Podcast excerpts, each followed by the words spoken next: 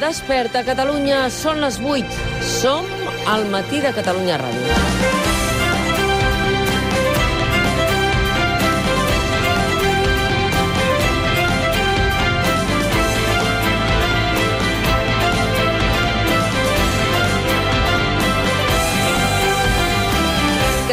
Indignats al Segrià és comprensible i més si quan us lleveu no sabeu si esteu confinats del tot o no, entre d'altres coses perquè la jutge d'instrucció número 1 de Lleida no ha ratificat el confinament les mesures que ahir va dictar el Procicat.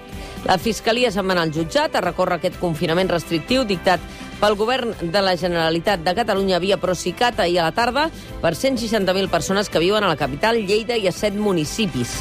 I unes hores després, de fet a la una de la matinada, la jutge decideix no ratificar aquest confinament. I la pregunta que us feu és, i ara què ha de fer la gent? En aquests moments sabem que el president de la Generalitat, Quim Torra, està reunit amb els serveis jurídics del Palau i a les 9 ha convocat la consellera Meritxell Budó, la consellera Alba Vergés, el conseller Miquel Buch per prendre una decisió juntament amb el vicepresident Pere Aragonès per veure eh, quines mesures prenen eh, al voltant d'aquesta decisió de la jutge. Què diu la jutge? Doncs la jutge diu que és prou dur, evidentment, aquesta situació, evidentment, però que considera excessives les mesures perquè creu que les dades epidemiològiques no ho avalen i creu que s'ha de consultar la Moncloa perquè la Generalitat no té competències per limitar drets fonamentals com la mobilitat. Per tant, estem despertant Lleida, Soses, Serós, Alcarràs, Aitona, Masalcoreig, la Granja d'Escarp i Torres de Segre, juntament amb Sucs i Raimat, frustrats, indignats i ara una mica confosos. Com que la jutge no ho ratifica, però de fet no diu que suspengui les mesures del govern de la Generalitat, el confinament més estricte interpretem nosaltres que es manté ara per ara.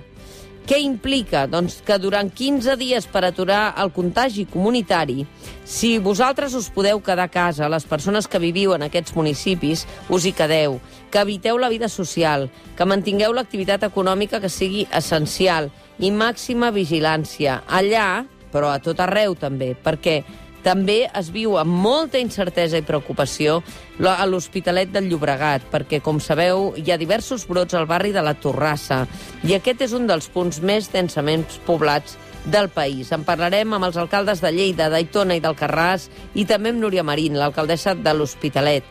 No podem fer vacances perquè aquest coll de coronavirus no en fa de vacances. I la necessitat de fer rebrotar l'economia radica precisament en la capacitat de fer que el virus no rebroti. Preocupacions, neguits, experiències, queixes, obrirem telèfons a partir de quarts de nou perquè volem escoltar les persones afectades pel primer i esperem que sigui l'últim reconfinament, ara judicialitzat.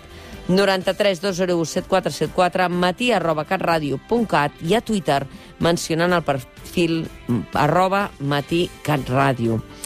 També us parlarem avui, naturalment, del resultat de les eleccions a Galícia i Euskadi.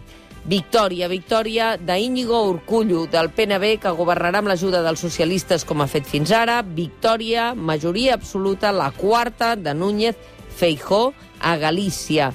Però quin és el fenomen? Doncs que creix l'independentisme d'esquerres, tant a Galícia com a Euskadi, tant al BNG com Bildu. Per tant, 21 escons per Madalen Iriarte d'Euskal Herria Bildu i 19 escons per la formació política del BNG amb Aina Pontón. Per tant, són resultats realment rellevants. A dos quarts d'onze analitzarem tot plegat amb Suso del Toro, Lourdes Pérez i Marcelo Tamendi els resultats d'aquesta Galícia i d'aquest Euskadi que han viscut unes eleccions en situació de Covid-19. La participació a Galícia no ha baixat, al contrari, ha pujat una miqueta, però en canvi a Euskadi ha fet una davallada important. I us preguntareu, què passa amb la coalició del PP i Ciutadans a Euskadi? Doncs mireu, una patacada monumental, perquè eh, el PP tenia 9 escons i s'han quedat amb 5 amb 5 escons. I entre Vox amunt no han aconseguit sumar, sinó restar.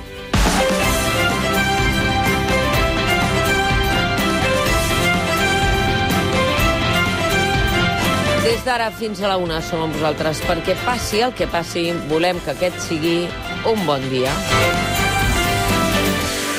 El matí de Catalunya Ràdio, amb Mònica Terribas.